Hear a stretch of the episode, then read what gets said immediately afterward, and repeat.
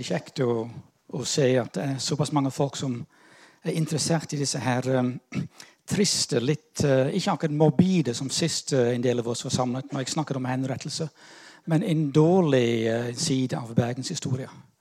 Egentlig sto det i programmet 'Hvorfor var Lambertine i politilegens venteværelser i Bergen?' Og hvordan havnet hun og hennes medsøstre i prostitusjon i Bergen på 1800-tallet. Og da Gro, som sitter her, Gro Elisabeth Bastiansen og meg skrev boken om prostitusjon i Bergen på mellom 1500- og 1800-tallet, da var det veldig mye som vi ikke fikk plass til i boken. Um, for min del, som hovedsakelig holdt på med 1800-tallet, det var veldig mange kvinneskjebner som jeg ikke fikk plass til i, i, boken. Og det er en del av disse kvinneskjebnene jeg har lyst til å si litt om i kveld. Det er ingen vits at jeg sto her og og, og uh, referere alt som står i boken, selv om jeg kommer til å si det står i boken. det står i boken. Det blir litt irriterende kanskje etter hvert at jeg sier at det står i boken osv. Særlig når boken er utlånt og en venteliste. Men um, jeg kommer til å si litt om det som er i boken, og ellers kommer jeg til å si litt om det som uh, jeg har funnet ut i tillegg til det som er i boken. Uh, de fleste kjenner til um, det flotte maleriet av Christian Krogh, 'Albertiner i politilegens venteværelse'. Uh, virkelig kjent, Et av de mest kjente malerier i kunsthistorier i Norge. Malt på midten av uh, 1880-tallet. Uh, kom ut samtidig med boken om albertine, som skapte furore som en god del. De fleste har vel lest om det. Men Albertine, som vi ser var sypiken som vi så her disse andre er litt mer utspjåkete prostituerte i Oslo. Albertine var en sypike. Og dette var noe som var oppdiktet av Christian Krogh. Hun skulle inn til legekontroll. Um, og um, mange folk vet Vi skriver en del om det i boken også. En veldig tragisk fortelling. Men dette var, Albertine var oppdiktet. Men i boken som vi har skrevet, har vi en lang kapittel om en som heter Lambertine. Lambertine Lambertsen. Og hun var fra Bergen. Uh, og hun også gikk til regelmessig legekontroll uh, fordi hun var prostituert, som jeg kan lese om i boken. Uh, ofte kjønnssykdommer og mange uekte barn. Og, det gikk bare nedover med hun. Jeg skal ikke fortelle, for jeg ble veldig jeg, jeg merker selv at Når jeg snakker om Lambertine, jeg blir mer og mer rørt. Til slutt griner jeg i en haug på gulvet her. Fordi det går virkelig ille med hun også. Det er... Um, og det er en sann fortelling. Men først hadde jeg lyst til å si litt, begynne med uh, begynnelsen på hvorfor prostitusjon. Vi vet fra Gro sin periode, og alle har hørt om Øvregaten, og en del av dere vet de var på Bryggens museum på søndag, vet at det var bordeller og, og prostitusjon før 1800-tallet i Bergen. Men på 1800-tallet, fra begynnelsen av 1800-tallet 1800 blomstret det på en måte som var helt spesielt. Så jeg skal si litt om hvorfor det blomstret i Bergen. Prostitusjonen var ulovlig selvsagt i Danmark og Norge. og På begynnelsen av 1800-tallet gjaldt fremdeles Kristian 5.s lovbok fra 1687. Utuktig framferd og opphold i horehus var ulovlig for både menn og kvinner. Og en serie forordninger ikke dette, men en serie forordninger og reskripter regulert hvordan prostitusjon skulle holdes i sjakk, og hvordan kvinner som drev med prostitusjon, skulle oppføre seg og, og, og tuktes. Jeg skal ikke gå nærmere inn på det. En del kvinner finner vi på 1700-tallet, mot slutten av 1700-tallet dømt for horehushold og for rufferi. Um, men forbausende få, egentlig. Men vi har ikke gått gjennom alle kildene. Så hvis noen leter etter en framtidig historiemasteroppgave, da kan vi si at 1700-tallets prostitusjon er absolutt noe som det er fremdeles en god del å finne. Men mennene som ble, eh, de ble ikke dømt for, for kjøp av sex. Det var kvinnene som, var, uh, som fikk problemer. Selvsagt, vi kan tenke oss det. Eh, men det var overraskende, overraskende få rettssaker om, om, dette før du kom over på 1800-tallet. Og det ser ut som man kunne nesten tro at uh, det var lite prostitusjon. Men jeg tror rett og slett at det var fordi myndighetene, politiet, de rett og slett så gjennom fingrene. De tolererte, de aksepterte. De gjorde ingenting med det. Vi lar det gå. Dette er noe som vi ikke kan gjøre noe med.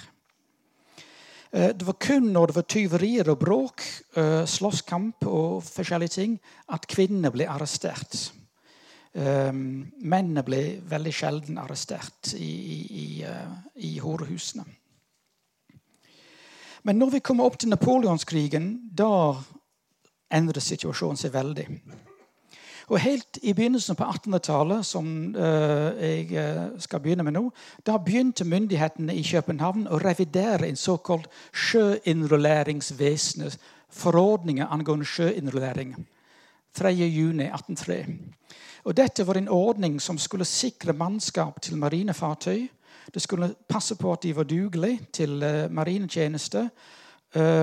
Og det var egentlig hovedting. Um, hovedpoeng uh, var nok mannskap til skipene og passe på at mannskapene var dugelige til uh, tjeneste på skip. Kongen undertegnet dette her i København. Men i paragraf 14 er det et paragraf som har, historikerne har ikke lagt merke til som har stor betydning for Bergen og prostitusjon. Det står at det tillot at matroser eller deres hustruer kunne tappe øl eller brennevin når mennene ikke fikk hyre, eller når mennene var til sjøs. Det var ikke bare hustruene, men det var også mennenes trolovede. Så fra 1803 de kunne drive med salg av øl og brennevin. Og Dette var helt uhørt for kvinner som ikke var med i borgerklassen. En kvinne som ikke har tatt ut borgerbrev som spisevert eller borger, og det var veldig sjelden, de kunne ikke drive med øltapping og vertshusdrift. Men etter den forordningen i 1803 kunne de det. Vi merker ikke noe særlig til denne forordningen før den andre britiske angrep på København i 1807. Dette her husker vi at vi var på, eller vi, dere, vi, var på feil side i napoleonskrigen. Um, så uh, jeg er litt sånn ambivalent her som brite. Men um, så etter den store angrep på flåten i København i 1807 da ble veldig mange norske sjømenn tatt til fange av britene. Uh, og de ble plassert i disse her forferdelige holkene, disse her gamle uh, seilskipene langs Themsene eller i, Edinburgh Um, og de, de, satt fanget her. Dette er Chatham utenfor London. De satt også i Edinburgh. Um, det var veldig mange bergenske sjømenn som selvsagt var på disse skipene i København og i, uh, i Skagerrak, som ble tatt til fange og satt her. I disse krigsårene mistet Bergen over halvparten av alle en flåte på 300.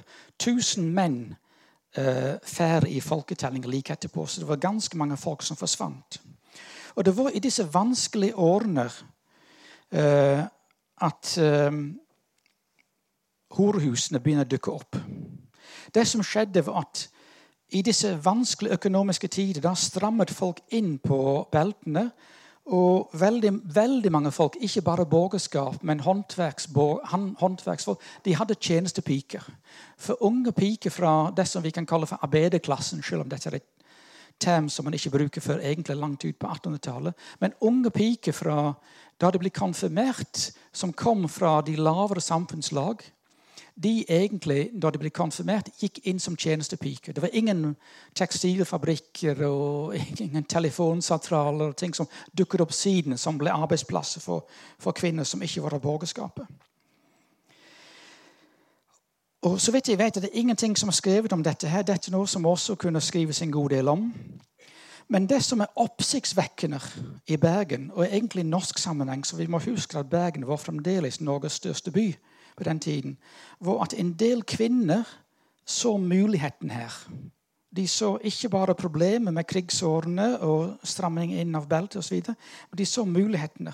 Og etter 1808 dukket det opp i Bergen veldig mange vertshus drevet av kvinner. Til dels eiet av kvinner, drevet av kvinner med kvinnelig betjening. Og Egentlig var det en tidligere skritt på 1700-tallet som sa at uh, det kunne kun han eller hun som eier vertshuset, kunne ha dat, hans datter som serverer i vertshuset. Ikke flere. De skulle ikke ha flere uh, folk fra den lavere samfunnsklasse som serverte i disse vertshusene. Vertshusene i Bergen, og det var spesielt her på, på Nøstet, fordi prostitusjon var flyttet fra Gro sin periode, fra Øvregaten, over til Nøstet. De aller fleste vertshus og de aller fleste prostituerte, som vi kommer til å se litt siden, operert fra Nøstet, som var et fattig strøk i byen. Og Vertshusene de vokste i antall. Og Det som skapte problemet, var, var egentlig drikkingen langt over steng stengetid. Stengetiden var klokken, eh, og, og Natten begynte klokken ti. Stengetid var klokken ti på vanlige ukedager. Litt før, før helgedager. Da skulle det være stille. Jeg ser at en del yngre folk her nå som kanskje går til byen når klokken er elleve, men jeg skulle ønske det var noenlunde det samme i dag. At alt ble stengt klokken ti, og da gikk vekten rundt og, og, sa at folk måtte være i seng. Men um, det var vekterne, disse folkene som vi kjenner fra gjensidige reklame. Disse her vektere som gikk rundt med denne syvstjernen her, denne forferdelige våpen med pigger på.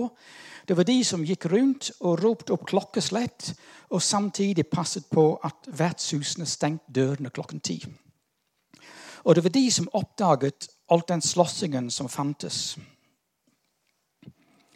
Det var ikke bare, men de oppdaget noe nytt. Det var ikke bare drikking utover stengetid. De oppdaget at disse kvinnene som drev vertshusene, hadde veldig mange unge kvinner i arbeid.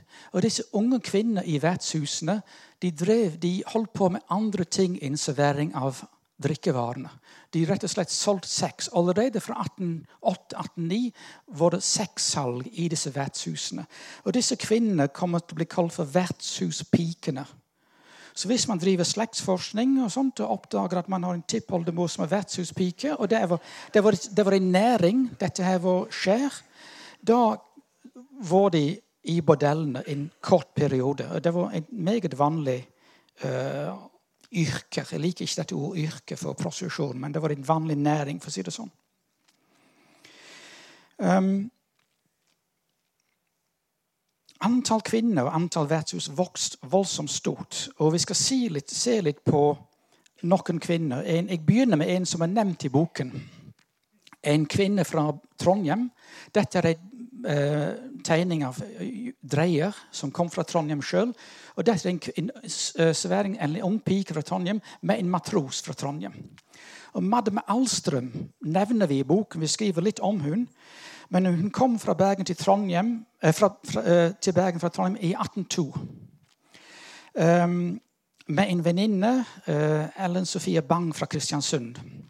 Og det er veldig typisk at akkurat når boken, da boken har gått i trykk og har, Gro har jobbet litt med hennes periode litt kortere enn meg, men jeg har holdt på siden holdt, ikke si hvor lenge jeg har holdt på å samle inn opplysninger. Veldig veldig mange år. Og akkurat når boken var gått i trykk, da fant jeg ut mer om hun her. Veldig irriterende. Um, og hun viser seg at hun har uh, med god grunn taus, Kilden i Bergen er nesten taus om Anne Alstrøm, som hun heter.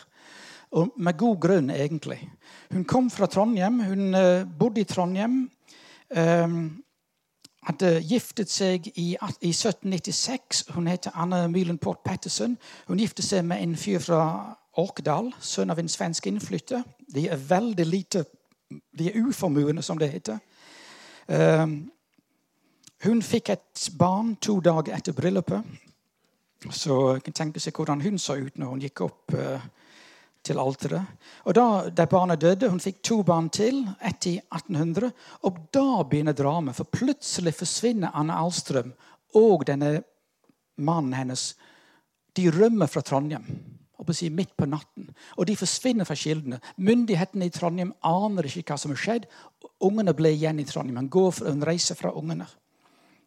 Og plutselig dukker hun opp i Bergen, som sagt, i, eh, i eh, av de rømmer om sommeren 1800, og hun dukker opp i Bergen i 1802. Mannen har jeg nettopp funnet pga. arkivene er så veldig greie og kjekke nå for tiden at de legger mer og mer ut på Internett. De skanner inn mer og mer kilder. Og, og militærarkivene i København som har ligget, som ikke vært ute på nettet, plutselig har de begynt å legge ut militærfengselsarkiv. på Og da fant jeg Alstrøm i militærfengsel i København. Um, Og han dør faktisk der 26. november 1801 i København. Var han matros? Hadde han gjort noe galt? Vi vet ingenting foreløpig om det. Men Anne må ha visst at han var død allerede da han kom til Bergen. Og når hun kommer til Bergen, fikk hun, ser vi at hun fikk et uekte barn med en matros i 1803. Og Da står det i kirkebok da heter hun Madam Alstrøm. Og Det kan tyde på at hun vil signalisere at hun er egentlig gift. Um, uekte barn uh, med en matros. Der barnet forsvinner, matrosen selvsagt forsvinner. De fordufter som veldig mange av disse ansvarsløse menn i prostitusjonshistorie gjør. De fleste, vil jeg tro. Og jeg tror at Madam Alstrøm allerede har begynt sitt liv i bordellene på Nøstet allerede i 1803-1804. Eh, hun er en voksen kvinne. Hun er 30 år gammel. Hun er enker. Muligens enker etter matros. Hun kalles båger, uten at vi kan se at hun tok ut borgerskapet. Temmelig sikker på at hun ikke gjør. Men det er godt mulig at hun kjente til denne sjøinnrulleringsforordningen, som sa at hun kunne drive med skjenking av brennevin og øl hvis hun hadde vært gift med en matros. Så plutselig i 1806, eh, noen år etter hun har drevet som prostituert, er hun involvert i en kjempesvær eiendomstransaksjon på Nøstet. Hun kjøper faktisk Det hvite huset der. Dette er før Roger Ivesen satt på den veldig sånn uh, fjong dør han satt på der, som jeg ikke er så veldig glad i. Men dette her er det som vi nå kaller og vi kjenner som bordellet Vest-Indien. Nøstegaten. Flott restaurert og fredet hus. Hun kjøper dette i eh, som sagt 1806 fra Danket Danketsen Kron, en av de rikeste menn i byen. Hun kjøper det for summen 1150 riksdaler. Det var en enormt stort sum. Hun lånte penger selv, så jeg, skal ikke gå nærmere inn på det. Danke Dankesen Krohn hjalp hun med lån. Han satt i forskjellige styr og stell og fikset litt under bos, så hun fikk penger. Men jeg, kan, jeg forstår ikke hva tenkte både han og byens myndigheter når en uformuende enker fra Trondheim uten familie kjøpte det desidert største hus på Nøstet som var det. Det var ingen hus på Nøstet som kunne måle seg i størrelsen som dette her på den tiden. Det var det største huset på Nøstet. Jeg tror at hun allerede gikk med Ante de at hun allerede gikk med tanke på å bygge det om til noe annet enn et bolighus? Hun kunne ikke bo der alene, selv om hun kanskje hadde en tjenestepike. Det som jeg ikke har, eh, det som jeg kunne si, at jeg tror at hun fikk ideen jeg skal ikke gå nærmere inn på det. Jeg tror at hun kanskje var i København sammen med mannen en stund mens han satt i fengsel. fengsel. Jeg tror kanskje hun hadde sett bordellene i København. Og vi vet da hun flyttet inn her i um, uh, Like etter hun flyttet inn, da ser vi at hun har en tjenestepike fra København boende hos seg. Og det er veldig sjelden at du har disse danske tjenestepiker på den tiden. Jeg lurer på om hun har fulgt med eller kommet opp fra København. Men jeg tror at Anna Alstrøm, enke Anna Alstrøm allerede ved huskjøpet har tenkt dette skal jeg bygge om til et vertshus med piker og bygge det om til bordell. Og det var det som skjedde faktisk ganske kjapt. Um, vi ser fra bygningsbeskrivelser at i løpet av noen uker bygger du det om slik at i disse rommene her, rett innenfor døren, var det dans, såkalt dansesal. Det er egentlig en liten stue. Men det var dansesal. Det var en kjøkken bak der det var salg av uh, brennevin og øl og kake og punsj en stund. Og oppe i andre etasje innredet hun små alkover med tynne skillevegger. Der pikene kunne trekke seg tilbake inn i alkovene i andre etasje. Så allerede var fra slutten av 1807 var dette huset brukt som horehus. Det var et skjenkested med kvinner som solgte sex til mennene. Etter krigsutbruddet var det enormt mye som skjedde på, uh, på Nøstet. Dette er, uh, hvis jeg snakker om det største, største bolighuset på Nøstet, da hadde jeg ikke tatt med Sukkerhuset, som egentlig ikke var helt inn på Nøstet. Vest-Indien ligger bak denne sjøbodrekken. Danke Dankesen Krohn han kjøpte denne eiendommen opprinnelig fordi han ville ha nøsteboden. nøsteboden som er der i dag. Det beholdt han, men han solgte resten til Anna Alstrøm. Men under napoleonskrigen foregikk det veldig mye militæreksersiser på Engen, som var ekserserplass for de militære. Det var mange tilreisende til byen, og vi kan så vidt se begynnelsen. Dette er nedenfor Jussbygget under Dragefjell. Dokken batteri. De bygget et nytt festningsverk på Dokken. Så det var også en god del militær der. Så Anna Alstrøm egentlig bygg, kjøpte huset, bygget det om like før dette her, de begynte å bygge det. Jeg tror hun har vært en dame med teft også. Hun har vært en, visste hva hun gjorde. Vi aner ikke hvor mange piker bodde i huset. Um, det er ikke kilder om, om, det. Det som vi vet, er at det var veldig mye slåssing, veldig mye bråk, veldig mye vold. Uh, så vidt vi kan se, ble aldri, hennes pike aldri, og ikke Alstrøm heller, arrestert for utuktig omgang eller for løsaktig ferd. Arrestasjoner gjaldt kun tyverier fra mennene som var inne der. Eh, eller for slåssing. Så myndighetene helt opplagt allerede fra begynnelsen visste hva som foregikk, men de så gjennom fingre. Det er den gamle vi vet fra de kristne. De mente at uh, Det vet, skriver, skriver Gro en del om. De kristne mente at uh, ok, prostitusjon er noe som vi ikke klarer å bli kvitt. Um, la oss tolerere det. Selv om det var mot kirkens lære. Selvsagt. Og det var som sagt høyst ulovlig. Det sies at Anna Alstrøm hadde fiolinspillere der som er engasjert. Og, um, og, det var veldig mye liv og aktiviteter.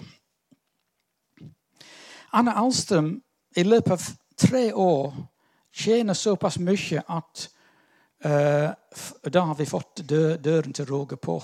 Dette er Vest-Indien. Uh, hun tjener såpass mye i løpet av tre år at hun selger hun betaler ned hele gjelden til Danke Dankesen Krohn. Det er enormt mye penger. Det var veldig mye penger å tjene på dette. Og Da flyttet hun rundt, uh, rundt hjørnet, uh, faktisk til um, Sydnesmug 10. De holder på å restaurere eller bygge det om. Men veldig mange av disse husene, Sydneskleiven, Sydnesmuget, Nøstegaten, Barneveien Eh, og, og, rundt det var bygget om til vertshus og horehus. Dette var et stort horehus som Anna Alstrøm eh, drev fra, fra 1810. Og her drev hun bordell til hun døde i 1834. Så det var ikke bare Vest-Indien, det var andre. Hun forble enke. Eh, hun fikk datteren merkelig nok ned fra Trondheim etter disse barna som hun hadde forlatt. Jeg forstår ikke hvordan hun klarte opprette kontakt med henne. Men hun kommer ned til Bergen, bor i dette huset, gifter seg i 1819 og flytter ut. Og Hele den tiden foregår det seksuelle sexsalg i det huset. Det kan vi lese en del om i kildene som finnes. Rettssakene. Um, og Det sies at det var bråk utenfor både Vest-Indien uh, og um, Jeg tror jeg har det igjen. Jeg kommer tilbake til det til en ny. Det var veldig mye bråk utenfor her. Og det sies at Anne Alstrøm gikk på gaten i manneklær. Det, det, er veldig rart at sånne ting er nevnt i kildene, men det var helt tydeligvis ikke ment som kompliment. Men um, det spesielle for, for disse vertshusene uh, i Bergen, at de var, som vi skal se, de var ofte eiet av, og de var styrt av kvinner. Vi har alltid trodd at, at vertshusbordellen var drevet av mannfolk uh, men, uh, som utnyttet kvinnene. Men her den gangen, og kanskje i dag, for så vidt med disse massasjeinstituttene som vi leser, med disse thai-kvinner som drev en god del av disse massasjeinstituttene sjøl. Det var ikke alltid bare menn.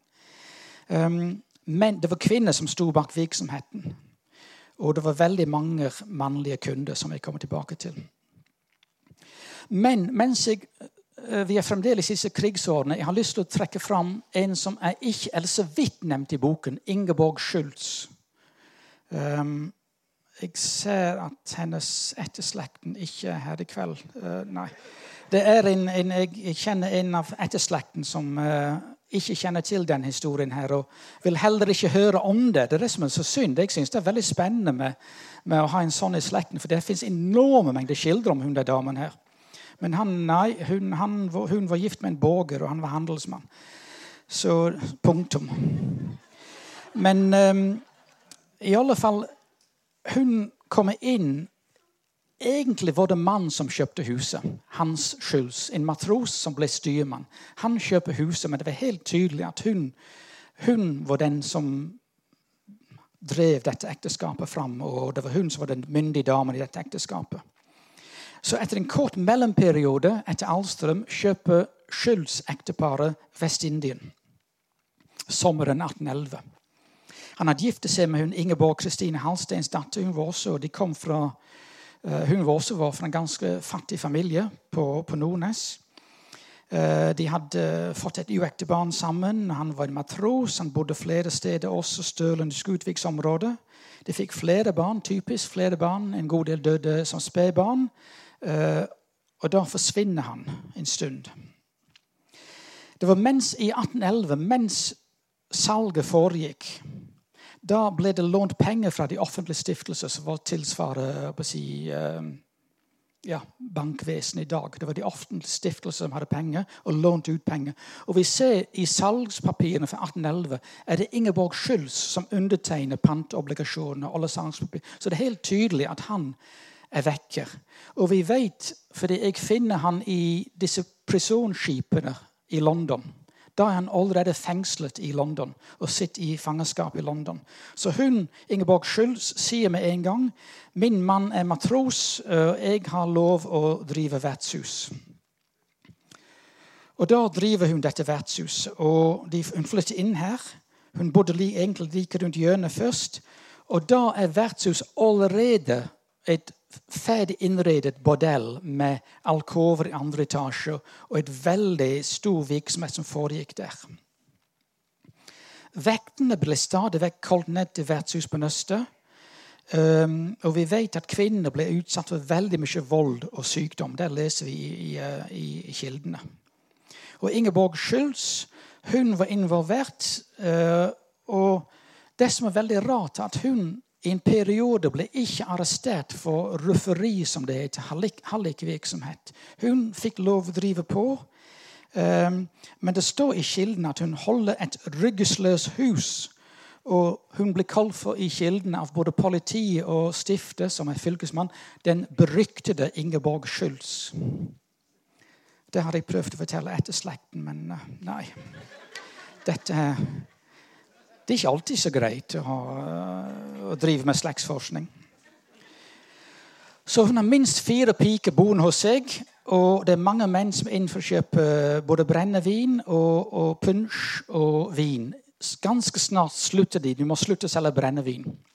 Um, fordi det er litt for sterk. Så de fortsetter å selge punsj, vin og servere kaker um, på disse stedene. Det er ikke veldig vanlig å lese om hva som foregår i vertshusene. Inn i vertshusene og bordellene. Um, vi skriver litt om innredningen i boken.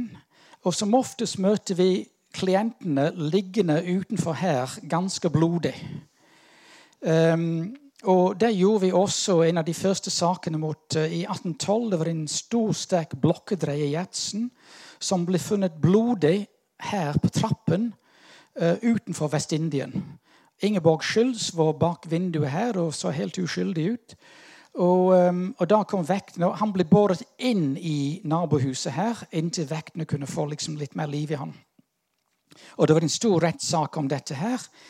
Uh, og Da kom det fram at han hadde kranglet med en av pikene. Han har tydeligvis vært sammen med en av disse prostituerte, Anne Georgine Bryde. Um, og han var vel ganske full og litt agitert, og hun sa til han, du må ta det med ro eller reise til helvete. Og det I kildene sto dette med stor skrift. 'Reise til helvete'. Det dukker opp hele gang. Så det var helt tydelig at alle hørte hun skrike 'reise til helvete'. Uh, han fortsatte å sjikanere hun og faktisk slo hun i øyet med, et glass punsj. Og det var nok til at plutselig dukket opp man, mange andre mannfolk som var andre steder. Og de slo han helt tydelig og slo han nærmest helseløs og hev han ut døren. Og Ingeborg Schultz lukket døren. Det var litt viktig for hun at han var utenfor og ikke ble slått inn i bordellet, fordi da kunne hun få bråk. Men uh, det var en stor rettssak, og alle pikene måtte gi forklaring. og Det er akkurat som vi ser på krimserier på fjernsyn. Forklaringene til alle pikene som jobbet her, var nesten identiske. Påfallende identiske. Nei, de hadde ikke sett hva som hadde skjedd, og han hadde ikke blitt slått. Men det var helt tydelig at det var mange kunder i bordellen. Og blant annet en hollandsk sjømann og noen andre hadde slått han helseløs. Og da kastet han ut. Men for å kutte ned på en lang historie, da ble i, uh, dommen falt. Og Ingeborg Schjølz ble uh, tiltalt og fikk en stor bot, for hun hadde, drevet, hun hadde servert på utillatelig måte, står det. Så hun hadde servert litt for lenge, kanskje, og servert når kunden hadde vært full. Gjertsen sjøl ble bøtelagt ganske kraftig for å ha slått brydet. Og, og, alle de andre ble bøtelagt. Men ingen ble arrestert, bøtelagt, satt i tukthus eller fordi de drev med utuktig omgang med hverandre. Det er et løsaktig liv fremdeles var akseptert og tolerert. Det var slåssing, vold og, slike ting. Og, og, del, og, pluss at det var veldig mange av disse mennene som hadde kast, tydeligvis kastet ting etter ham, bl.a. Uh, krittpiper og sånt. Som, slik det var masse gnister her nede. Og Det var også veldig farlig. Vekten var veldig opptatt av det, for det kunne oppstå bybranner i disse tre hus. Så veldig mye snakk om disse levende lys, stearinlys, alt som var blitt kastet etter ham på gaten. Um, vi ser, vi ser, at byens myndigheter har fått klar beskjed også fra København at den sjøinnrulleringsreglementet skulle ikke ha vært tolket slik at det skulle florere opp veldig mange rettser, veldig mange vertshus. Det var ikke meningen at disse vertshusene skulle oppstå. Og at uh, myndighetene i Bergen måtte skjerpe seg. Så I tiden etterpå finner vi en del rettssaker der Ingeborg Schultz og en del andre kvinner ble, eh, fikk bøter. De ble satt av og til i arrest for salg av brennevin og øl utover eh, Eller på tider der de ikke skulle gjøre det. Men fremdeles ingen som ble satt inn for eh, løsaktighet eller for prostitusjon. Hans Schultz kommer fra fangenskapet i London, og han kommer tilbake. Han var helt tydelig ikke noe å samle på i det hele tatt en, som mann. Han, han, kommer tilbake fra London og ble involvert med en gang i tyveri av kornvare og noe rug. Og forskjellig. Og han ble satt inn i tukthuset. Så hun fikk han tilbake fra London, og i løpet av noen uker var han plutselig satt inn her i tukthuset. Så hun så ikke noe mer til han på en stund. Uh, hun var sikkert kanskje, kanskje glad for det. Um, Bordellene på Nøstet de trakk seg mer og mer folk, og det ble tydelig at dette her var noe du kunne tjene penger på, og flere og flere dukket opp. Um, pikene som ikke fikk tjenestejobber det kan jeg si nå, fordi jeg ser at jeg kommer til å gå vekk fra manuskriptet. Hvem var det som jobbet her, disse pikene? Og det var slik at Hvis du var konfirmert i 15-16 års alder som piker, og ikke fikk arbeid som tjenestepiker, som var omtrent det eneste du kunne få arbeid, da kunne du arresteres og settes inn som løsgjenger av politiet. Det var ganske harde bud. Så disse bordellmammene og disse som eide bordellene, de sto klar på konfirmasjonsdagene for å se om disse pikene hadde fått tjeneste. Og Hvis ikke de fikk tjeneste, de sa ok, men da kan du få deg jobb i, i vertshusbordell henne på Nøstet. Og det er klart at Noen kanskje ble lokket inn pga. at det var litt penger å tjene. Eh, det er litt omdiskutert om hvorfor en del gikk inn der. Eh, kjente ikke de til at det var vold og det var sykdom osv. Men det var i alle fall mange piker som jobbet her. Og de jobbet i bordellene. Og bordellmammaene bordellmammene de prøvde så godt de kunne å beskytte dem. Men en del av disse unge pikene ble litt for fristet til å ta ekstra Mennene var stort sett, vi kan tenke oss, mennene var stort sett full når de lå med disse kvinnene oppe i andre etasje. Så de fra, la fra seg klær med lommebøker og forskjellig. Og del, Det var litt for fristende å ha en tjukk lommebok. Mange av disse her var, vi kan tenke oss, de var nordlandsfiskere som var kommet til byen. De var striler som kom til byen og solgt sin vare i byen. De, mange av de hadde penger. De hadde tjukke lommebøker når de tar sin tur ned til nøstet. Så det var litt for fristende å ha disse tjukke lommebøkene liggende fram. Så en del av pikene tok penger ut av lommeboken, og da ble de arrestert for tyverier. mange av de. Og Det er da vi finner de rettssakene. Og det er da vi, vi, vi ser hva slags piker det er. Um, fram til 1840-årene er det noen få rettssaker som handler om uh, bordellmammene som uh, fordi du har eiere som ikke var nødvendigvis de som var bordellmammene. Bordellmammene var ofte en prostituert som hadde litt mer erfaring. Det var hun som styrte bordellet inn i bordellet.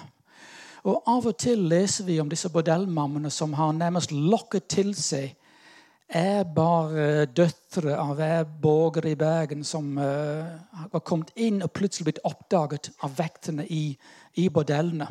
Og Schultz var en av de som ble faktisk satt i tukthuset fordi hun hadde lokket til seg en ung kvinne som egentlig var bare glad i å danse. som stod i kildene. Men hun ble funnet om morgenen i bordellen liggende i sengen med en av kundene. Men hun var egentlig bare der for å danse. Eh, men, men, det førte til at Ingeborg Schultz ble, ble dømt for uh, horehushold. Hun ble satt inn i, i, uh, i dette tukthuset, hun òg. Vi kunne ha snakket en hel kveld om Ingeborg Schultz, men jeg, skal ikke gjøre det. Uh, hadde slekten vært det, hadde jeg nok gjort det, kanskje. Men jeg tror, ikke, jeg, tror ikke jeg gjør det nå. Men um, det var under hennes styre, Ingeborg Schultz' styre, Eh, at eh, eh, bordell, bordell Vest-Indien virkelig florerte til å være det største bordellet i Bergen, og kanskje et av de største i Norge på den tiden. Um, Schulz døde i 1816. Ingeborg fant sin ny venn, en belastet mann, en kriminell som hun uh, gifte, hun gifte seg ikke med. Hun har ofte snakket om kalt en trolove til Inger Schulz. Og vi kan huske på at på dette tid, dette er Jess Bårdsen sin tid. Alle som har lest Erling Gjelsviks bok om Jess Bårdsen, vet at han herjet her nede på, også på Nøstet. Og vi vet at Jess Bårdsen flyktet fra andre etasje i bordellet Vest-Indien i en periode. Og han og hans venner de var veldig uh, gode kunder hos pikene på Nøstet. Anne Alsum, som sagt, uh, holdt på rundt hjørnet. Uh, du hadde Madam Schulz. Og jeg har lyst jeg går faktisk tilbake til, til, til tukthus. Jeg har lyst til å nevne en, et, et, par til før jeg går videre. Og det er mor og datter. Jeg har flere mødre med døtre i materialet der begge to er inne, dypt inne i prostitusjonsmiljøet. Og det er et stakkars par som kommer fra Manger, kommer til Bergen. Um, og ganske fort uh, begynner de med prostitusjon på Nøstet. Moren har vært gift to ganger. Hun var enke. Hun prøver å ernære seg med sying. og Vi husker at Albertine var sypike. Sying var en annen næring de kunne drive med. Men hun så at det var penger å tjene med vertshus, så hun investerte de, de uh, dalene hun hadde, riksdalen hun hadde, og, og, og, åpnet et vertshus der datteren bl.a. var der. Uh, dette Karen Gjerding og Johanne Marie Johannesdatter. To tragiske skikkelser. Uh, som kommer. Og Rundt 1816 begynner hun å drive dette vertshuset og servere mennene, som det står. Uh, også med seng, og, og datteren ligger med disse mennene osv. Men problemet er at det kommer en del klager over at hun driver lokker til seg kvinner, unge piker. Og Da må myndighetene ta affære. Og hun ble ganske fort uh, satt inn, dømt til tukthusarbeid uh, for seks år, både hun og datteren. Og Det er det lengste straff jeg har lest uh, gjennom hele 1800-tallet for, for hallikvirksomhet og rufferi. Seks år. Karen, moren, hun var 44 år ble satt, satt inn på hardt straff. Og datteren var 20. Og Da overtok andre vertshuset selvsagt, og de fortsatte. Men Anna Alstrøm og Ingeborg Schulz de var sikkert veldig veldig glad for at en stor konkurrent var nå inne. Og Grunnen til at jeg nevner disse to, er fordi uh, de ble satt inn til veving og hardt arbeid i tukthuset her. Um, og hadde politiet ønsket å bruke de samme regler mot de andre. Kunne de ha satt mange folk inne, men de gjorde ikke det. Så det var, det var egentlig, De var litt uheldige. Men dette var politimester Friele sjøl som hadde vært i kontakt med København. Og han hadde fått beskjed, han hadde akkurat som enkelte ganger nå politimestrene i byene og i Oslo. De tar sin runde på byen for å vise at de er, de er sjefene og vi skal se på. Jeg husker fremdeles hun Killengren som tok en runde i Oslo etter hun ble sjef der inne. Da gikk hun forbi en fyr som var veldig beruset. og sånn. Og da, Hun var typisk bergensk. Og etter de hadde gått fra han, etter de hadde en samtale, da sa han han var ikke god. sa han. Etter han gått fra. Det var veldig flott. Og jeg tror det var samme Friele. Han var en slektning av Herman Friele. Og Han var politimester. Han tok sin runde på nøstet, og han oppdaget bl.a. Karen Gjerding og datteren. Så det er derfor hun ble grepet. Men de kom inn i tukthuset, og, og begynner med sies de å være veldig flinke. Det var både en mannsavdeling og en kvinneavdeling. De var veldig flinke, de angret på sitt liv, og det så ut som det skulle gå bra. Men selv om det var manns- og kvinneavdeling, det er helt opplagt de ble ikke adskilt. Så adskilt som man skulle ha trodd og kanskje ønsket. Fordi um, datteren får seg en, en, kamerat som er innsatt. En venn av faktisk en venn av uh, Jess Bårdsen. Og Hun ble veldig glad i han, og han ble veldig glad i hun. Hun er satt inn for litt lenger enn han, så han slipper ut. og han slipper ut og si, til, skriver et brev til myndighetene. Kan ikke du slippe ut den uh, vakre unge kvinnen, for jeg vil gjerne gifte meg med hun. Men hun ble ikke sluppet ut. Og jeg tror det er nok til at hun bikket over eller ble litt mer bitter, ble litt mer vanskelig. Og etter de hadde vært god en periode. Plutselig er de trassige og de er vanskelige, og de skal stå ut hele tukthusperioden, står det i, kildene. I oktober 1822 Karen Gjerding melder at datteren er gravid i tukthuset. Uh, og hun er gravid med en kamerat av Jess Bårdsen, Nils Knudsen Vangen, som uh, Erling skriver en god del om, men han kjenner ikke til dette. Uh, og Samme mann hadde vært inn, uh, fikk et uekte barn med en annen kvinne året før, så han var heller ikke noe å samle på. Um, moren der barna ble født, og vi ser i kirkebøkene at fadderne til, det kvinnelige faddere var andre prostituerte. Så det var helt tydelig at datteren satt inn med andre prostituerte i tukthuset. Um, barna ble tatt fra henne, selvsagt. De får ikke beholde barnet. Og Karen Gjerding slet veldig med det tunge arbeidet i dette. dette. Dere kjenner til hvor dette er manufakturhus og sånt ved siden av, ved siden av rådhuset i dag. Uh, og hun slet veldig. Hun døde faktisk her inne i 1823, moren, uh, i tukthuset. Uh, fire måneder etter hennes første barnebarn ble født. Johanne Marie sitter tiden ut og ble løslagt 1824. Men med seks år i tukthuset et uekte barn tatt fra henne.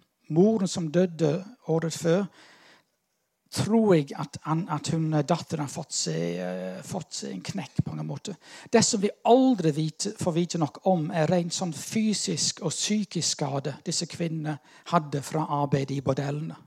Det må ha vært ting som vi vi hører alle, Det er litt det samme som Jeppe på berget. Alle vet at de er prostituerte. men Alle vet at han drikker, men ingen spør hvorfor han drikker. Det er det samme med dette her. Alle vet at de er prostituerte, men de spør ikke hvordan de har det, eller hvorfor de er, de er som de er.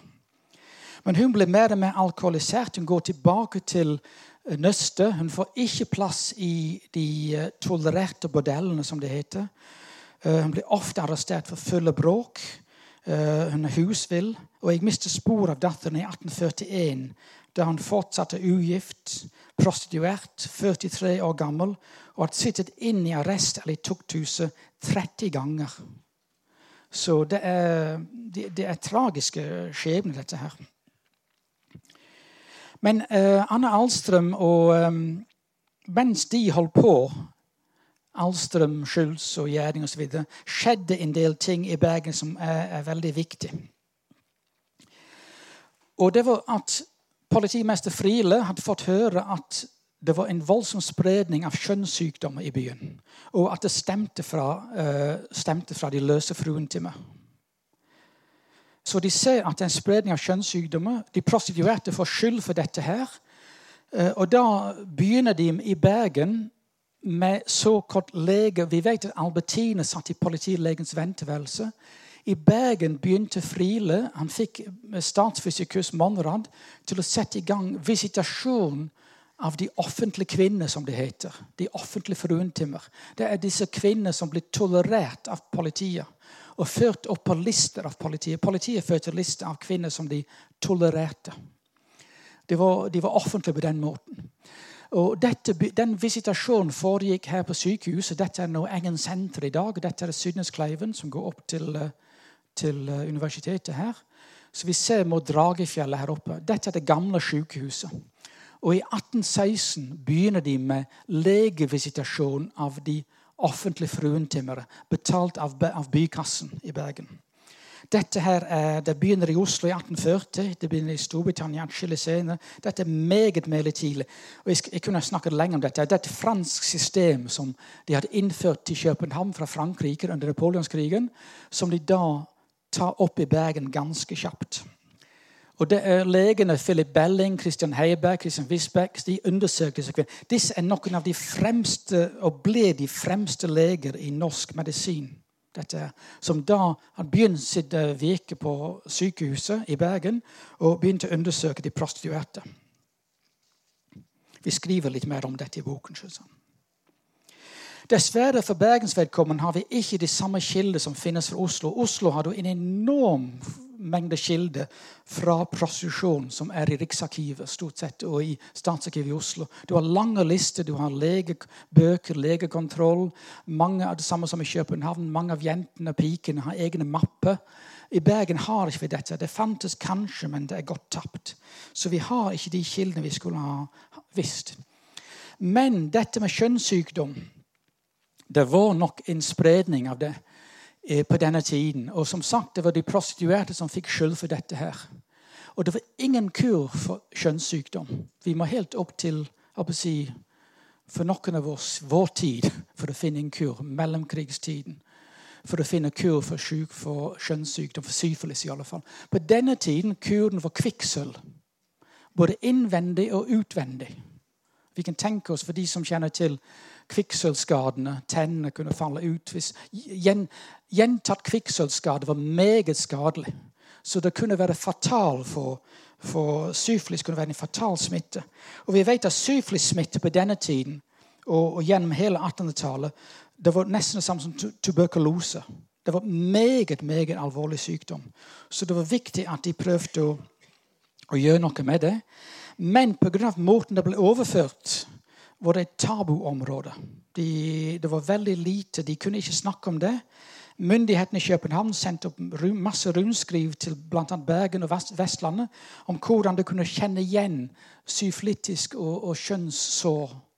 Og De ble spredt ut, men vi vet ikke om folk vi aner ikke om folk visste. De kan ikke merke at de har fått sår på kjønnsorganet osv. Men om de visste nok om det, om spredning, det er veldig lite sannsynlig. Men jeg har lyst til å trekke fram en siste kvinne. Dette her offentlig legevisitasjon foregikk på sykehuset i, i mange år.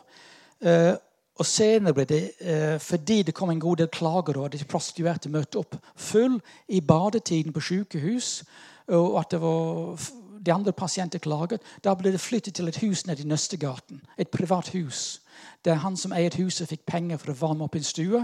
Og legene fortsatte med sine stålpenis, som det blir kalt, for å undersøke, uh, undersøke disse kvinnene i Nøstegaten. Og dette her undersøkelse, dette legekontroll av prostituerte, opphørte i Bergen omkring 1898. Ti år etter det opphørte i Oslo. Så det startet senere i Oslo og, fort, uh, og, og, og sluttet tidligere enn i Bergen. Så Bergen, Vi må skryte litt av og til av Bergen også. Av, uh, selv om det er ikke sikkert det er noe å skryte av. Men jeg har lyst til å nevne en kvinne til før jeg går over på siste par kvinner jeg har lyst til å snakke om. Um, hun var den siste eier. Oline Olsdatter. Vi har født 1790, 1797, døde 1876.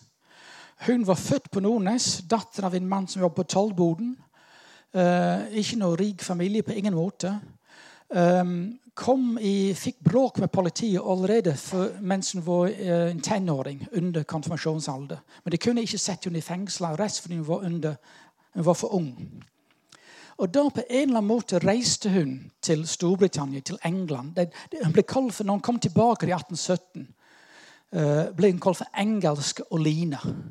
Men det er godt mulig at hun var i Edinburgh. Dere er ikke veldig flinke med dette. Jeg som brite veldig opptatt av dette forskjellen mellom Storbritannia og så. England, Edinburgh er ikke, er ikke hovedstedet i England. som du hører av og til på fjernsyn. og sånt. Men hun, så hun ble kalt for engelsk Oline. Så, men hun hadde vært der borte, kom tilbake, snakket kanskje litt engelsk, gikk litt, uh, kledd i litt engelske klær, kanskje. Hun var prostituert fra 1817, kanskje før. Jobbet på Nøstet. Hun eiet flere hus på Nøstet allerede fra 1817-1818. Hun var også en uformuende dame. Hvordan kunne hun kjøpe dette? Det er veldig vanskelig. Hun ble gift med en borger- og spisevert, Johan Duckwitz, i 1835. Han var virkelig, for å si det rett ut, en drittsekk. Jeg, jeg, jeg, vil ikke, jeg kan ikke si Jeg liker ikke å bruke det, men han var ikke noe å samle på. Han var sønn av en, en mann og en kvinne som hadde drevet et veldig pent spisested på Engen. Ikke så langt fra Kaffe Opera på Engen. Uh, de var veldig skikkelige folk. Det var bare pene folk som gikk der og drakk og spiste og, og, og drev med kugler. Um, da, men han drev med veldig sånn lyssky aktiviteter. Han drev litt med uh, import av ting som han ikke skulle ha importert, og sa ikke hvor mye hadde importert brennevin. Han kom på kanten med loven ganske fort. Men han var en mann som visste hvordan han skulle orientere seg i de offentlige kanaler. I, uh, og han slapp under uh, tukthusarbeid. Han burde vært satt inn i tukthus flere ganger, men han slapp under. Og han giftet seg i 1835 med engelsk Oline. Og jeg tror at han har vært en tidlig kunde av hun. Han visste med en gang, må ha visst, at hun var prostituert. Hun var prostituert, hadde vært prostituert i over 20 år da han giftet seg med henne. Og Han overtok bordellene Vest-Indien og den bordellen som lå tvers over gaten, som ble kalt for De fire løver. Så Det var to store bordeller som han overtok. Og det var typisk. Han var borger, gifte seg, og da er det han som er eier. Kvinnen som hadde drevet dette og eiet dette før, han mistet sin rett eiendom. Det var mannen som, som eier dette. Og de disse to bordellene ble drevet fram til 1876 av engelsk Oline. Jeg, må gå litt kjapt over han, tror jeg. Han, han, eh, han eh, kan ta kanskje ett til.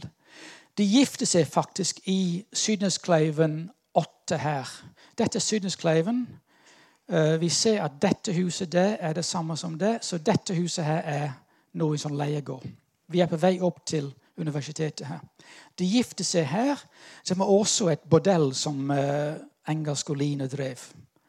Så de, Han overtok Sydnesmuga 10. Og de bygget et stort et, Dette er et stort uh, Vi vet ser åsene fra tidligere fra bildesamling her. Dette er K. Knudsen-plate. Veldig oppblåst. For vi har ikke bilde av det huset Duckwitzparet eiet på toppen av Dragefjellet, men det er dette huset her. Dette her er toppen av IOGT-huset. Sentrum kjøreskole.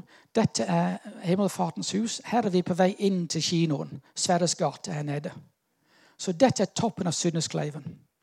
Og Her oppe bodde de i et hus med stor hage med påfugler i hage osv. Og, og så utover sitt uh, rik. Men han døde i, um, han død i uh, ganske ja, husker ikke helt, Han, han døde iallfall lenge før hun. Det er Oline som da driver disse bordellene fram til hun døde i 1876. Og de var disse offentlige bordellene, som det blir kalt for. Um, vi vet at kvinner bare for å si det også i forbifarten, kvinner som jobber som prostituert i deres bordeller på Nøstet, de gikk oppover Sydneskleiven. De fikk påfuglefjær som de satte i hattene sine. Uh, om morgenen når de, var, når de var våkne og oppegående, i alle fall, da gikk de opp med nattens fortjeneste til Oline Duckvitz her. Og det ble kalt for Duckwitzes påfugler når de gikk oppover Synneskleiven om morgenen. Så det, her samlet hun inn tjeneste. Og hun var en luring. Hun visste at hun måtte ha hjelp fra politiet for å drive dette. her. Så hun faktisk leiet ut førsteetasjen i huset til ikke politimesteren, men den som var like under politimesteren. Han som er sjef for politikonstabel i, i, i, Bergen. Han flyttet inn her og var en slags beskytter for hun og hennes virksomhet på Nøstet. Og det er mange som sier at hvorfor, hvorfor tok ikke politiet affære? Og det er flere kilder som sier at det er fordi politiet var skyld innblandet dette her. Og vi har mange kilder som forteller at politiet også ble oppdaget inne i bordellene på kjøkkenet eller andre Ikke alle, alle var på kjøkkenet. Så, um, så politiet har nok holdt en sånn litt beskyttende hånd over dette her. Ja, jeg må nok uh, En annen ting som, To viktige ting skjer nå 40-årene. Det var 40-årene disse to virkelig fikk hånd om nesten monopol på prostitusjon på Nøstet. Duckwids-ekteparet. 1842 fikk du ny kriminell straffeloven som kom inn. Og da fikk du nye regler for, for uh, prostitusjon og for um, uh, folk som truet kvinner. Uh, folk som der de feng, kunne få fengselsstraff. Gjentatt, hvis folk ble tatt gjentatte ganger for utuktig omgang. Hvis de var gift og hadde utuktig omgang med en gift kvinne, kunne de få lang fengselsstraff. Det var lang, mange regler som kom inn i 1842. Og Egentlig var reglementet og lovverket der for å ta knekken på prostitusjon. eller prøve å ta knekken på, Men det ble ikke gjort. Det hadde nesten ingen innvirkning i, så vidt jeg kan se. Men det andre ting som skjedde, i, var at du fikk, uh, du fikk opprettelsen av Tvangsarbeidsanstalten. som er det bygget, Dette er en del av de bygningene. Her har vi Lille Lungåsvann, Byparken, Gamle rådhuset. Dette her er tukthuset senere den store politistasjonen og tvangsarbeidsanstalten er bak her. 1843 opprettet de tvangsarbeidsanstalten. Og Det, var, hadde både en fattig avdeling og en avdeling for, med tvangsavdeling. Og Her kunne politiet sette inn løsgjengere, folk som var full på gaten, prostituerte. De kunne sette det inn i tvangen, nærmest administrativt. De måtte ikke dømmes i retten. De måtte ikke være straffet i retten. De kunne settes inn av politiet. Og fordi vi har tvangsarbeidsanstalten fra 1843, vi har legekontroll på sykehuset, da førte det til at vi får mer opplysning om disse unge kvinnene. hvem de var. For de blir ofte tatt opp politiforhør, som er en fantastisk beskrivelse om hva som får dem, hvem de var, hvor de kom fra, hvor de hadde jobbet gjennom tidene. Samtidig som eh, hvis en kvinne fødte uekte barn på sykehuset, f.eks., hun var prostituert, da ble det også tatt ikke bare det, men de vanlige kvinner som fikk uekte barn, som ikke var prostituert, det ble tatt opp et politiforhør. De måtte finne ut hvem som skulle betale for dette. her. Hvem, var hun berettiget til å få hjelp fra byens kasse? Eller kom hun fra Radøy? Kom hun fra Lindås? Var hun fra Osterøy? Kom hun fra Stavanger? Noen måtte betale for hennes opphold på sykehus, for maten hun spiste, for pleier og for senge, vask av sengetøy som hun skittet til. Så det var penger som var det viktige her, ikke at hun var prostituert, f.eks. Så vi får mer og mer kilder. Eh, jeg tok dette med, fordi dette, Han her i midten, som var sjef for politikonstabel, eh, Sandal, det var han som flyttet inn hos Duckwitz og beskyttet hun. Han overtok huset. I dag er dette huset bygget om og er det store, gule muhus som er på toppen av Sydneskleiven. For dere som går ut i Dragefjellet eller skal ned til Dokkeveien, det er det store, gule muhus. Det var han som bygget det etter, etter Duckvitz døde. Um, det, flere, det, var flere etter dette her. Det var mer mer bråk på Nøstet. Selv om bordellens, antall bordellene var skrenket inn etter hvert. Duckvitz klarte og kone klarte å få mer og mer kontroll over dette. her. Um, markedet for de prostituerte var, markedet ble større og større. Vi kan tenke oss 1850-årene, etablering av industri i Bergen. Uh, oppgangstider på mange måter for sjøfart. Flere og flere folk som kom til byen. Eh, flere og flere militær osv. Byen vokste. Markedet ble større og større. Og da eh, masse matroser, håndverksvenner osv. Nøstet var en avkrok. Det var ingen gjennomkjøring på Nøstet. Det var derfor Nøstet var attraktiv for politiet og som en sånn lyssky område. fordi det var ingen gjennomkjøring. Det var en avkrok i byen. Så På andre siden av gaten litt lenger bort her var de fire løver. Her, Nøsteboden ligger nå til høyre her i dag. Så bordellene var her, som sank fram til 1876. Um, I boken forteller vi også litt om bordellmammene. Um, bare for å si det i forbifarten har for, Mange har den forestilling at disse prostituerte kvinner de kom fra landet. De var piker fra landet. Guds ord fra landet som kom til byen og havnet i prostitusjon. Men de var ikke. De aller fleste var byjenter. Mange fra Bergen, andre fra Stavanger, andre fra Kristiania, fra Trondheim, fra Kristiansund.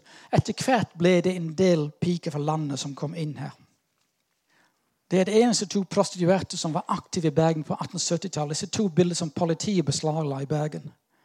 Meget usømmelig bilde der de viser fram sin uh, undertøy her. Dette, var dette, porno, dette pornografi på 1870-tallet. Det, det, er virkelig det. så Derfor politiet beslagla de. De aller fleste piker jeg må bare si det i raske gjennomfarten, som havnet i prostitusjonsmiljø, de var, det var nød. De var fattige piker som ikke hadde fått annet arbeid, som havnet som prostituerte eller vertshuspiker, heldigvis i en kort periode.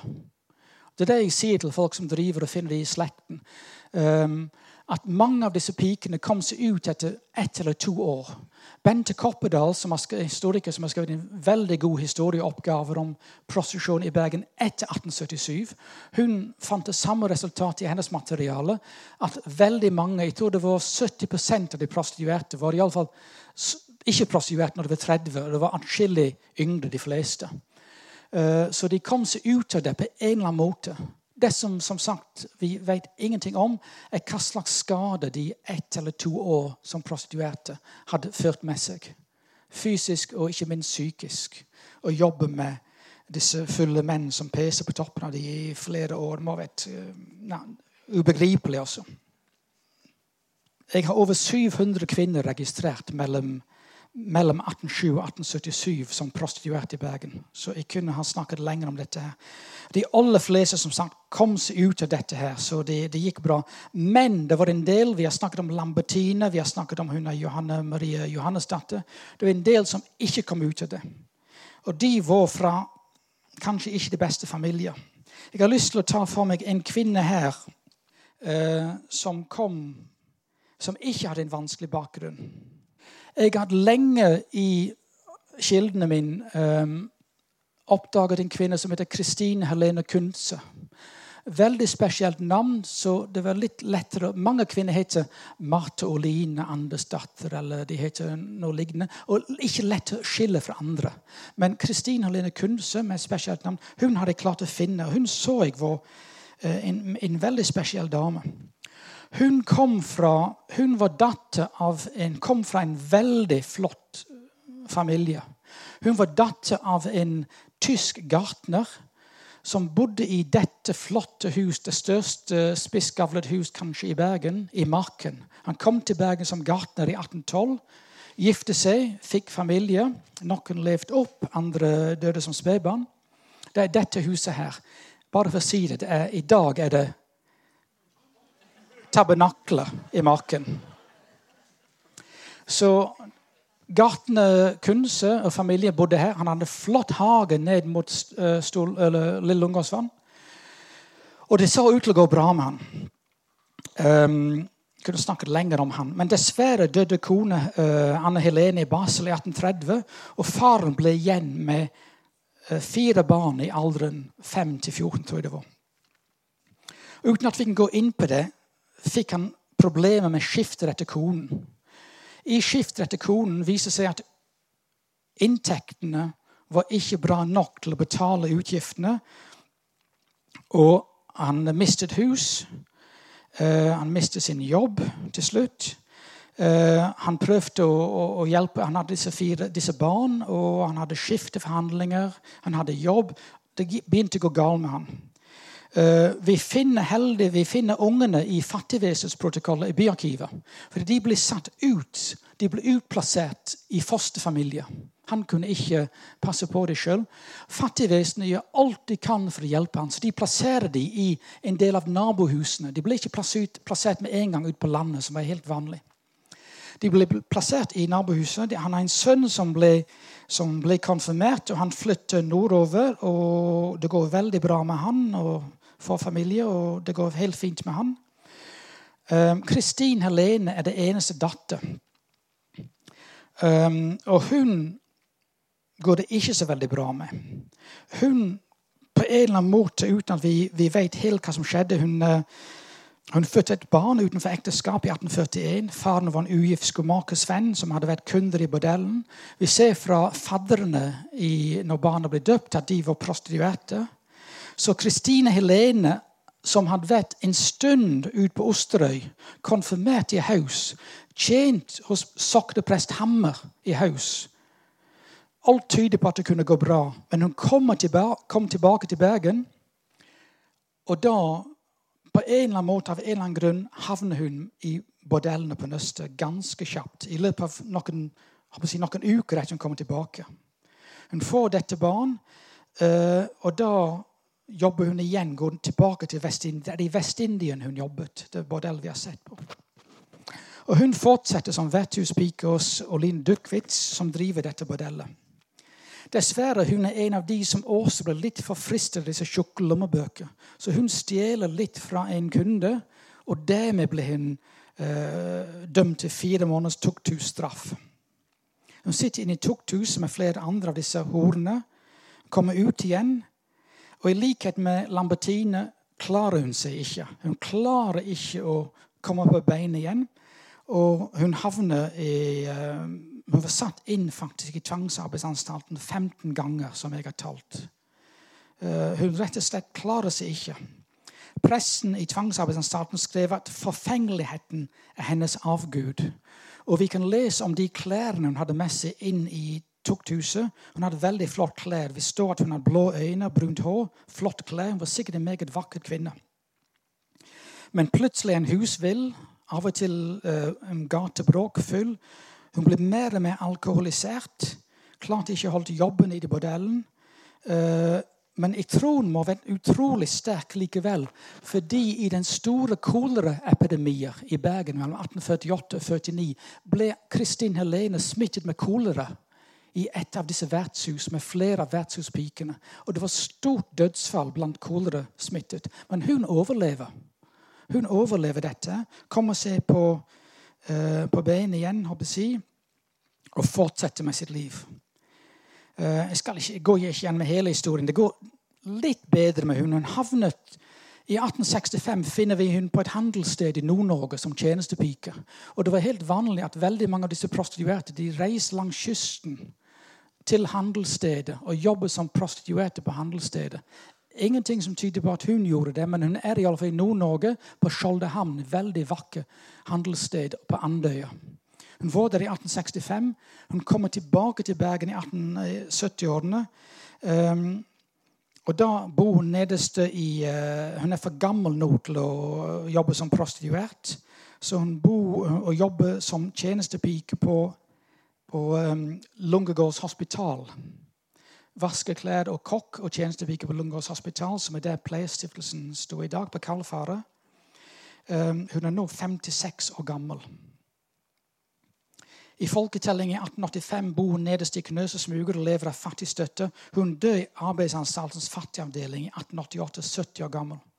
Og jeg hadde lyst til å, Vi kan lure på hva hadde skjedd med Kristine Helene Kunze og hennes brødre det som det ikke hadde gått så galt med moren i barsel at ikke moren døde og faren mistet huset hjem. Vi må ikke tro at alle disse prostituerte, alle som var innom prostitusjon, var folk som kommer fra belastede familier med uh, mange som har problemer. Selv jenter fra de beste hjem holdt på å si, kunne havne utfor hvis en livskrise plutselig oppsto. Og, og, det tror jeg har skjedd med, med Anne Kristine. Ja, nå skal jeg veldig, veldig raskt, og jeg, går, jeg hopper, til og med hopper over dette. her. Um, redningsarbeidet skriver vi en god del om i boken. Det begynte i Bergen første gang i um, 1880-året. Da åpnet de et redningshjem. De kristne og det synes jeg er veldig merkelig, de kristne gjør ingenting for å hjelpe de prostituerte. Lars Oftedal, indremisjonsmannen Lars Oftedal var så vidt innom Vestinien og de fire løver i 1865 noen dager. Prøvde å redde ut kvinner. Men han veldig fort forsvant fra Bergen, og Indremisjonen vil ikke ha noe med det å gjøre. De andre kristne organisasjonene vil ikke ta i det i det hele tatt. Men i 1880-årene åpnet de et redningshjem på Laksevåg. Magdalenehjemmet på Laksevåg i Håsteins gate. En del eldre husker at dette er bygning bak vår politistasjon på Laksevåg i mange år. Og Her ser vi, her tar de inn unge piker som de kunne redde. Har jeg fem minutter til, Erlend? Fem, fem minutter. De tar inn unge piker. De, kunne, de vil ikke ta inn disse pikene som de ikke klarte å redde. De sa at vi ikke skal være en vi skal, um, Hva er det uttrykket de brukte? De vil ikke være en forbedringsanstalt. noe sånt. Eller, de tok inn, så de tok inn unge piker. Og med det samme de tok inn disse unge prostituerte, som var veldig unge, de tok fra de klær, og de kledde de opp i det som de kaller for i kildene tjenestepikens nettedrakter. Her ser vi tjenestepikens nettedrakter. For de skulle få opplæring til å bli tjenestepiker. Jeg vet ikke om dere kan se en meget myndig forstanderinne her. Egenes. Hun hadde vært 25 år leder for kvinneavdeling i tvangsarbeidsanstalten. Så hun visste hvordan de skulle tuktes, disse her. Og det var hennes assistent. Dette var altfor lite, altfor seint. Senere ble dette flyttet til, Nestun og ble Soli lærerhjem for piker. Soli institusjon på Nestun. Så de, de, reddet en del, men ikke så veldig mange. 1907, bare for å hoppe over 1907, 1876 stengte bordellene på Nøstet. Og da gror jeg pleier å trekke linjer med, med russcenen i Nygårdsparken. Så lenge russcenen var begrenset til Nygårdsparken, da var det tolerert av politiet og byens myndighetene. Eh, da russcenen ble stengt og narkomane flyttet på seg, da var det mye atskillig mer vanskelig. Og Det var det som skjedde her. Bordellen ble stengt i 1876, og de prostituerte forsvant ut. De ble gatetrekktøs på gatene.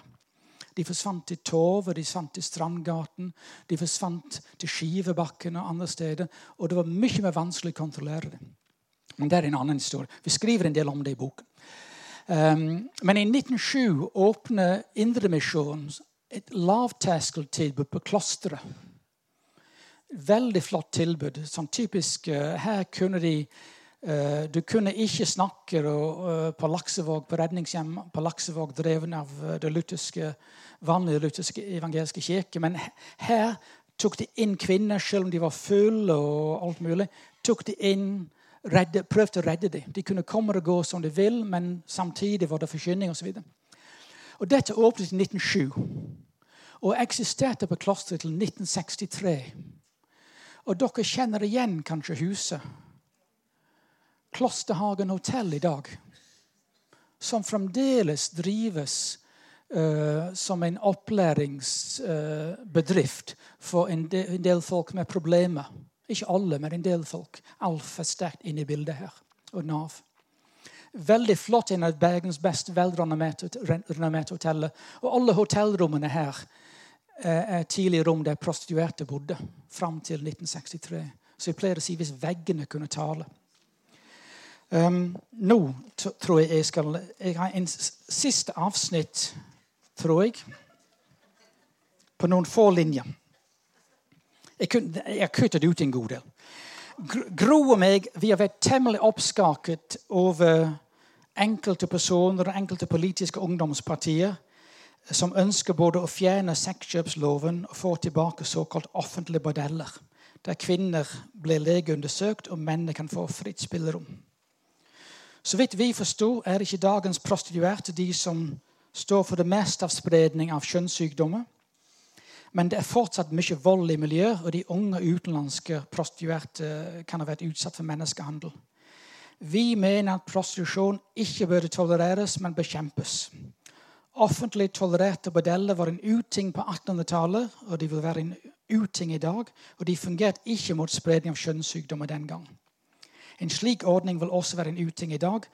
Og vi mener at vi burde, disse folka burde kunne se på historie og kanskje lære litt. Nå. Nå. Takk for at dere